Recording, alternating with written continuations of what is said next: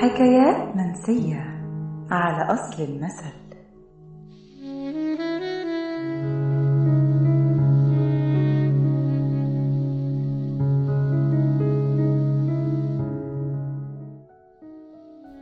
لما يكون فيه بينك وبين صاحبك سر ما يعرفوش غيركم وفجأة يبدأ يستغل هذا السر في أمور تضايقك أو يساومك على إفشاء السر اللي ممكن يكون أصلا حاجة تافهة جدا.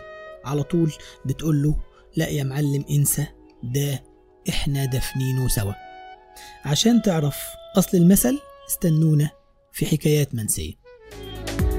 رجع تقول لي عايزني دوا سلامات يا هوا.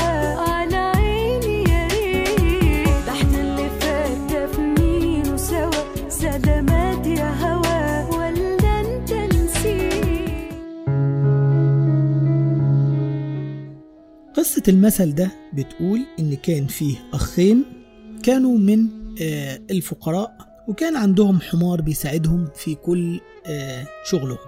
في العمل كوسيلة مواصلات بيقضوا بيه كثير من آه، مصالحهم. كانوا بيحبوا الحمار ده جدا وبيعت- وبيعتبروه فرد من عيلتهم لدرجة إنهم سموه أبو الصبر لأنه كان بيشاركهم في كل خطوة في حياتهم في أحد الأيام الاتنين آه، خرجوا إلى سفر وهم في الصحراء آه، الحمار بتاعهم وقع ومات. حزنوا عليه جدا ودفنوه بصورة تليق بالحمار وبخدمته اللي كان آه، موجودة معاه معاهم طول العمر. فضلوا جنب المدفن يبكوا ويعيطوا ومعبرين عن حزنهم الشديد لدرجة إن كان كل اللي يعدي عليهم ويسألهم عن سبب الحزن ده يقولوا له أبو الصبر مات. الناس طبعا تعاطفت معاهم وبدأوا يشاركوهم الحزن والبكاء وكانوا بيعتقدوا أن أبو الصبر ده شيخ جليل أو واحد من آه، عباد الله الصالحين. لذلك شاركوهم آه، هذا الحزن.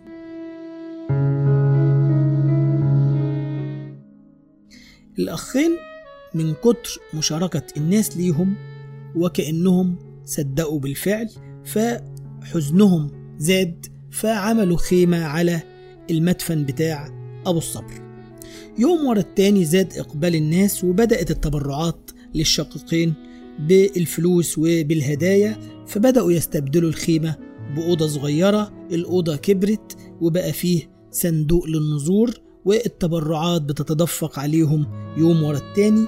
لحد ما أصبح مدفن أبو الصبر مزار بيقصده الناس لفك السحر وتزويج العانس وبدأ الجميع بيتحدث عن كرامات الشيخ أبو الصبر. كما زاد الحديث عن كرامات أبو الصبر زادت التبرعات وزادت ثروة الأخوين اللي كانوا بيقسموها على بعضهم.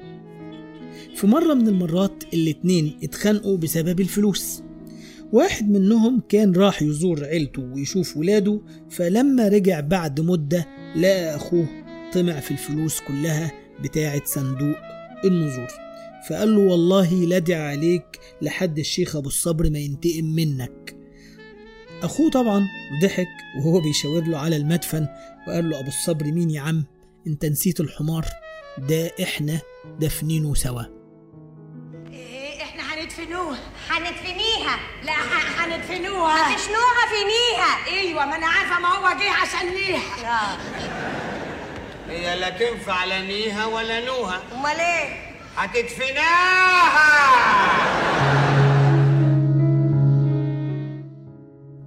دي كانت حكايتنا النهاردة من حكايات منسية. استنونا في حكاية جديدة مع رحاب الدين الهواري من المصري اليوم.